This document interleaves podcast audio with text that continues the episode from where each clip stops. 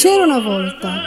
Er was eens een donna mobile die door prachtige Italië trok op zoek naar bijzondere wijnen, gemaakt van vaak onbekende inheemse Italiaanse druiven. Welkom bij de verhalen over een inheemse Italiaanse druif, verteld door Gina Botta van La Botta Wijnavonturen. Reis via deze podcast met mij mee en luister, leer en proef. Ciao carissimi! We zijn aangekomen aan de zevende aflevering van deze podcast. De zevende aflevering schijnt cruciaal te zijn omdat vele podcasters dat niet halen. Een soort zeven afleveringen itch van de podcast. Wat mij betreft, ik heb er nog steeds heel veel zin in. En dat komt op de eerste plaats door jullie. Wekelijks krijg ik mooi commentaar en bruikbare tips. En door deze tips heb ik allerlei nieuwe plannen voor verdere ontwikkeling van de podcast. Ik heb ook afspraken staan voor interviews met wijndeskundigen op het gebied van Italiaanse wijnen en inheemse druiven. En bovendien, en bovendien, hebben we tijdens de afgelopen zes afleveringen slechts over vier inheemse Italiaanse druivenrassen gesproken. We hebben nog veel te doen. Ik blijf graag uw feedback en uw verzoekdruifjes ontvangen. En als u eh, dit eerste seizoen mailt, komt u ook in aanmerking voor een heerlijke fles Italiaanse wijn, die ik zelf uit Italië heb meegebracht van een van mijn vele tochten langs de wijnboeren.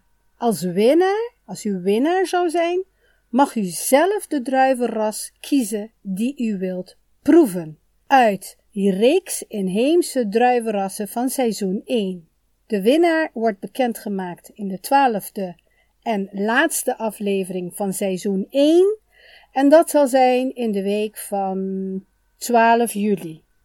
Dus doe mee en mail naar labotta wijnavonturen at gmail.com. Ik herhaal, labotta wijnavonturen at gmail.com en botta met dubbele T.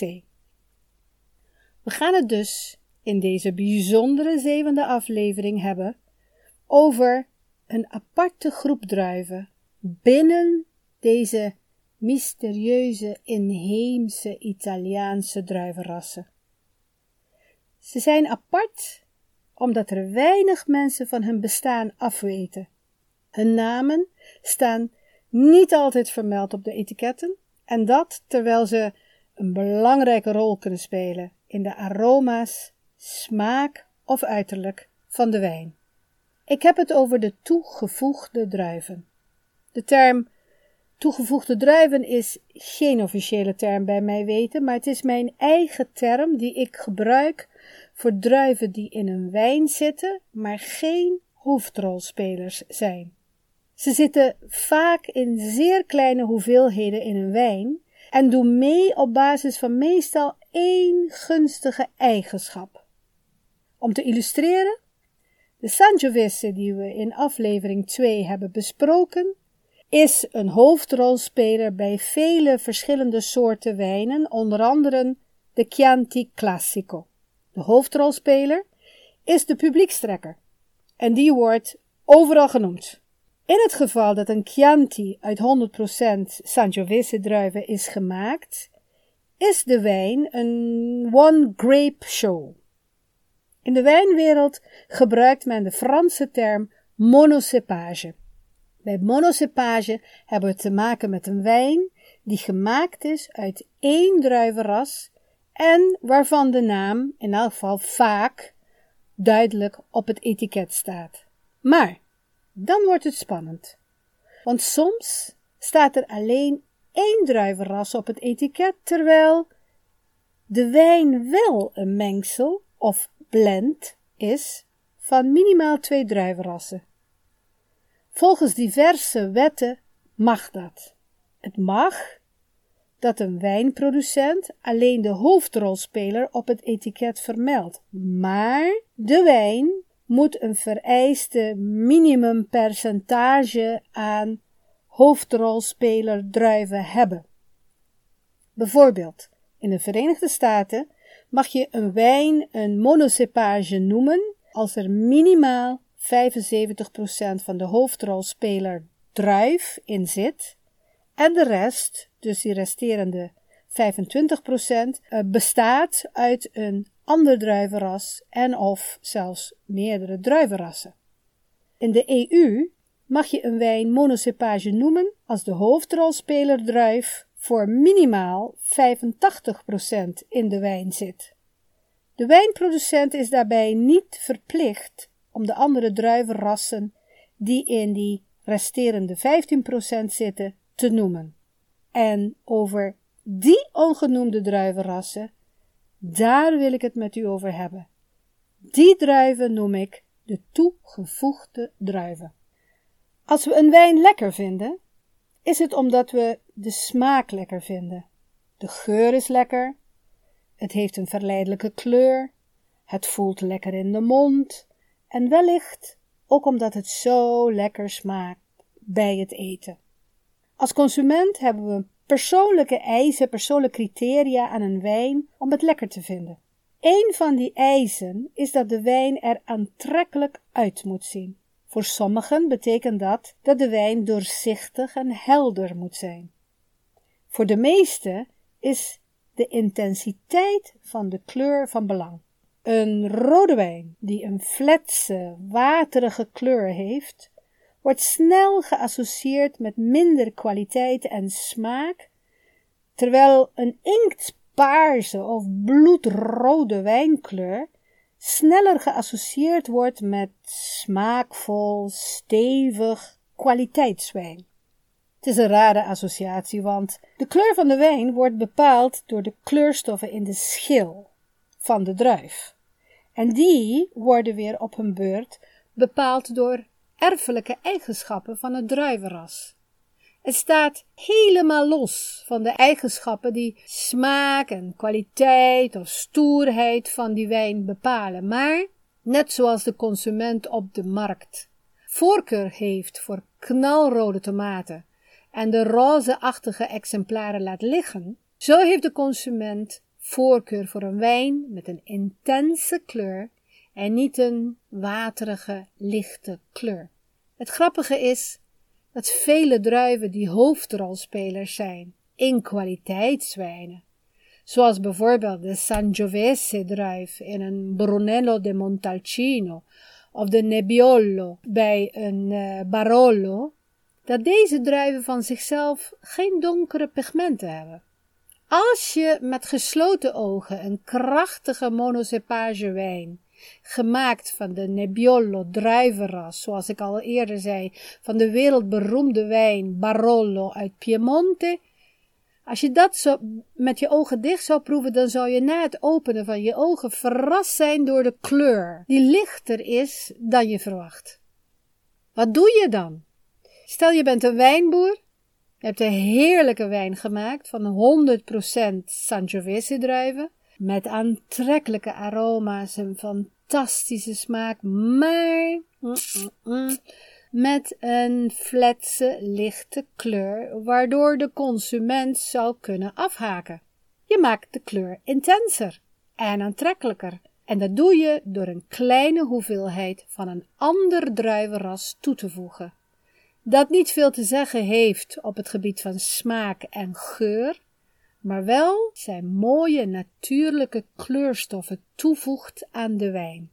Klein beetje maar, soms zelfs maar 1 tot 5 procent van de totale druiven die in die wijn gaan. Maar wat een verschil in kleur. In Italië is er een groep en dat bestaat uit vier druivenrassen die men colorino noemt. Colorino komt van het Italiaanse woord colore en de ino aan het eind is een verkleinvorm. Dus colorino betekent zoiets als klein kleurtje.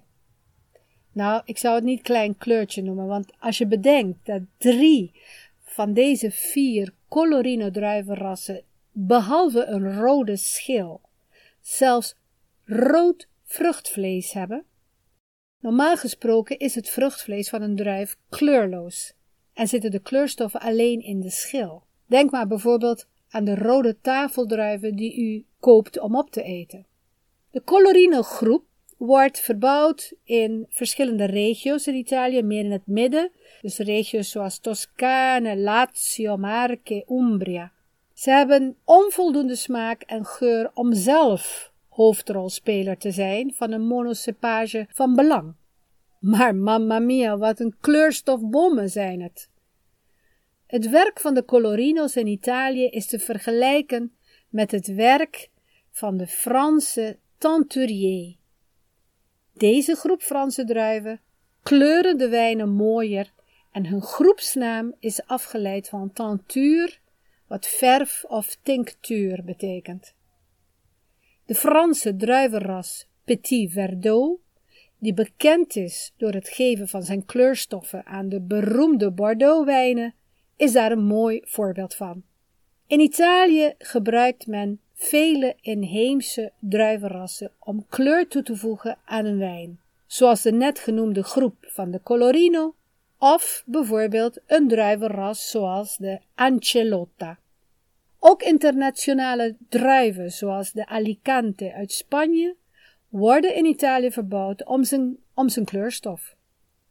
Deze druivenrassen die gebruikt worden om kleur van een wijn te verrijken, moeten dus heel veel kleurstoffen hebben. Ik weet het, ik heb het ervaren. Ik heb Alicante druiven geplukt in Toscane en de kleren die ik toen droeg weten dat nog goed. Van diezelfde Alicante heb ik ook schiacciata di uva gemaakt. Schiacciata is een plat brood dat thuis wordt gemaakt. Je kunt het ook bij de bakker kopen, maar ze maken het liefst zelfs thuis. De naam schiacciata komt van schiacciare, wat verpletteren of plat maken betekent. Je kunt een pittige schiacciata maken van bijvoorbeeld uien en grof zout en olijfolie. Of je kunt een zoete schiacciata maken met verse wijndruiven. Pittige schiacciata hebben wij vaak bij vrienden thuis gegeten en ik heb enorm van genoten.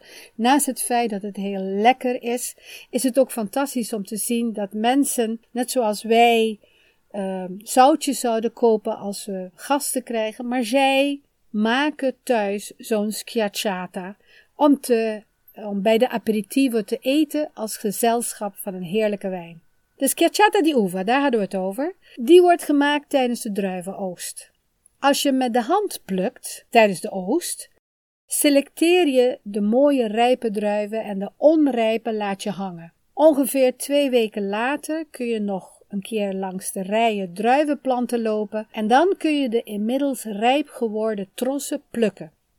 Vele mannen en vrouwen doen dat in alle wijngaarden van Italië. Ze plukken deze inmiddels rijp geworden druiven en gebruiken ze als tafeldruif, maar vooral voor het maken van de schiacciata di uva.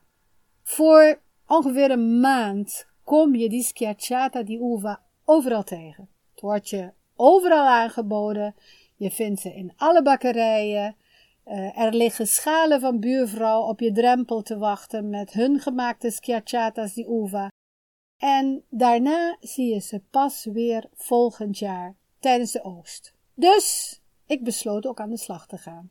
Ik ging met Costello, de medewerker van de Azienda Vinicola Piedicole, mijn thuiswijngaard in Toscane, op zoek naar de tweede lichting rijpe Alicante druiven en gewapend met het recept van de 90-jarige grootmoeder La Nonna van Marta, die eigenaresse is, zou ik thuis zelf schiacciata di uva gaan maken, zodat de plukkers de volgende ochtend het bij de koffie konden eten, als het lukte tenminste. Ik ben dol op schiacciata di uva, maar ik vind het altijd vervelend dat alle druivenpitten er nog in zitten. Je moet de schiacciata krakend en spugend opeten. Gelukkig eet je het vaak in de wijngaard, maar ik vind die pitten toch niks. Dus toen ik mijn eigen schiacciata di uva ging maken, riep ik de hulp in van mijn man om de druiven te ontpitten. En toen begrepen we al snel waarom schiacciata di uva altijd met pitjes en al wordt gebakken. Namelijk, de krachtige kleurstoffen van de Alicante druif konden we daarna voor weken overal nog terugvinden. In de huid, onder de nagels, aan onze kleren, op het aanrecht. De volgende dag werd mijn schiacciata di uva goedgekeurd door de nonna, gelukkig, en het werd toegejuicht door de oogstploeg en het was binnen een mum op, tja, het gleed erin, want het had geen pitten.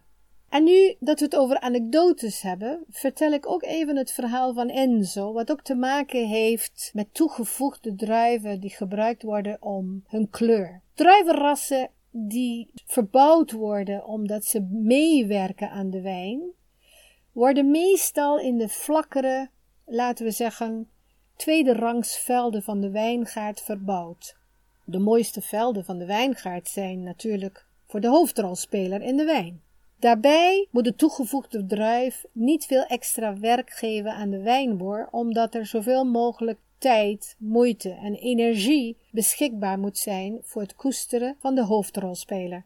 In een eerdere aflevering heb ik het reeds gehad over onze vriend Enzo, die een nieuwe wijngaard ging aanplanten. Ik heb toen verteld dat de experts van de consortio, dat is de coöperatie van de plaatselijke wijnboeren, kwamen kijken naar zijn land en monsters van de grond meenamen. Op basis van de eigenschappen van het land en de vraag op de markt en de trends, zal ik maar zeggen, werd er geadviseerd, werd Enzo geadviseerd dat hij op de helling een bepaalde kloon Sangiovese moest planten, maar in het dal, op de vlakkerig en kleiige gedeelte, kreeg hij het advies om Ancelotta te planten. Ancelotta is een inheems druivenras dat ook om zijn kleurstoffen wordt verbouwd en dat vaak gebruikt wordt om de bleke Sangiovese bij te staan bij het maken van de plaatselijke Chianti. Over een toevoegdruif, ja, dan kunt u zich voorstellen dat er in het verleden minder of niet over is geschreven. Het is ook moeilijk om de geschiedenis te achterhalen van deze druiven. Bij de Ancelotta bestaan er wel documenten die geschreven zijn door Tommasino Lancelotti, die eind 14e, begin 15e eeuw dit druivenras schriftelijk heeft aanbevolen. Men denkt dat dat een van de verklaringen is voor de naam Ancelotta, dat het waarschijnlijk is afgeleid van de familie Lancelotti, die de kwaliteiten van deze druif propageerde. Gelukkig kunnen we uh, door DNA-onderzoek meer informatie krijgen over deze druiven. Toevoegdruiven heb je niet alleen om, de kleur, om kleur te geven aan een wijn. Er zijn ook toevoegdruiven die met veel suikers, dus na gisting met veel alcohol, bijdragen, of met frisse zuren, of juist met bittere tanninen. Als deze toevoegdruiven van zichzelf ook interessante aroma's en smaken blijken te hebben, of als ze in een ander gebied beter groeien, waardoor hun eigen kwaliteiten beter tot uitdrukking komen, dan kunnen ze ook bevorderd worden tot co-star. Dus dan worden ze mede hoofdrolspeler in de wijn, zoals een bekend duo Merlot en Cabernet Sauvignon. Of ze kunnen zelfs bevorderd worden tot hoofdrolspeler. Dat is met de Franse Malbec gebeurd, die in Frankrijk een toevoegdruif was bij de eerder genoemde Bordeaux-wijn en die in een nieuw land in het hoge Andesgebergte zich zo thuis voelde dat het zijn verborgen talenten ging tonen, waardoor de Argentijnen vandaag de dag prachtige monocepage van Malbec maken. Als voorbeeld van een inheemse Italiaanse druif, die in de carrière is opgeklommen tot hoofdrolspeler, neem ik de Pugnitello, een druivenras wat recent eind 20e eeuw in de jaren tachtig ongeveer bekendheid heeft gekregen en pas in 2002 is ingeschreven in de Nationale Register. We hebben het in het begin al gehad over het feit dat er nog altijd inheemse druiven worden ontdekt. En Pugnitello is hier een mooi voorbeeld van. Pugno betekent vuist. En deze druivenras heeft zijn naam te danken aan het feit dat de druiventros klein en compact is en de vorm en grootte heeft van een vuist. De New Kid in Town komt voorlopig alleen voor in zijn thuisgebied. En dat is in de kustgebieden van Toscane, vooral in de buurt van Grosseto. Nadat het een aantal jaren dienst deed als toevoegdruif vanwege zijn sprankelende rode kleur, worden er nu steeds meer monocepages van gemaakt, doordat men meerdere voordelen heeft ontdekt bij de Pugnitello. Het heeft om te beginnen frisse zuren. Het is zeer fruitig in aroma's en in smaak en dat merk je goed in het glas. Maar in de wijngaard is het ook een zeer makkelijke druif. Hij heeft een dikke schil en die dikke schil maakt de druif resistent tegen schimmels en andere ziektes. Je hoeft als wijnboer dus nauwelijks te spuiten, waardoor het interessant wordt om er natuurwijnen van te maken. En zoals we van Josje van Oostrom hebben gehoord tijdens de afgelopen aflevering, natuurwijnen zijn wijnen waarin er niets aan toegevoegd moet worden en niets eruit gehaald moet worden. Een andere interessante eigenschap van de Pugnitello is dat het goed tegen warmte kan in de wijngaard. Hoge temperaturen belemmeren de druif niet om frisse en fruitige smaken te produceren en te behouden. En in deze tijd van opwarming van het klimaat, waarbij wijnboeren hun wijngaarden moeten verhuizen naar koelere plekken, hoger op in de bergen, juist om die frisse en fruitige smaken te behouden, is de Pugnitello een interessant alternatief. En als laatste interessante detail van de Pugnitello, je kunt er heerlijke rosatos, oftewel rosé van maken. En dat past naadloos aan de internationale dorst die we tegenwoordig hebben naar rosés. En dat allemaal voor een druif die men voor 1980 niet eens kende en die zijn carrière begon als een toevoegdruif. Toevoegdruiven. Ze worden niet op het etiket vermeld. Niemand kent ze. Ze voldoen niet aan alle vereisten, maar ja, die ene eigenschap waarmee ze bijdragen, zorgt ervoor dat de wijn van de hoofdrolspeler kan knallen en dat het verkocht wordt. Teamwork at its best. Grazie della visita. Meer verhalen en of foto's kunt u vinden in de Wijnavonturenblog op mijn website. Daar kunt u ook podcastwijnen bestellen, zodat u tijdens het beluisteren van een aflevering de bijpassende wijn van inheemse druiven kunt proeven. Luister, leer en proef in uw eigen tijd en in uw eigen omgeving. Om de lancering van de podcast te vieren, kunt u ook door het mailen, door een review achter te laten of nog mooier, door te abonneren op mijn podcast in aanmerking komen voor een fles wijn cadeau. Een cadeau molto speciale voor mijn molto speciale luisteraars. In elk geval, non dimenticare niet vergeten, we hebben een afspraak staan voor het volgende verhaal over de inheemse Italiaanse druif. Arrivederci.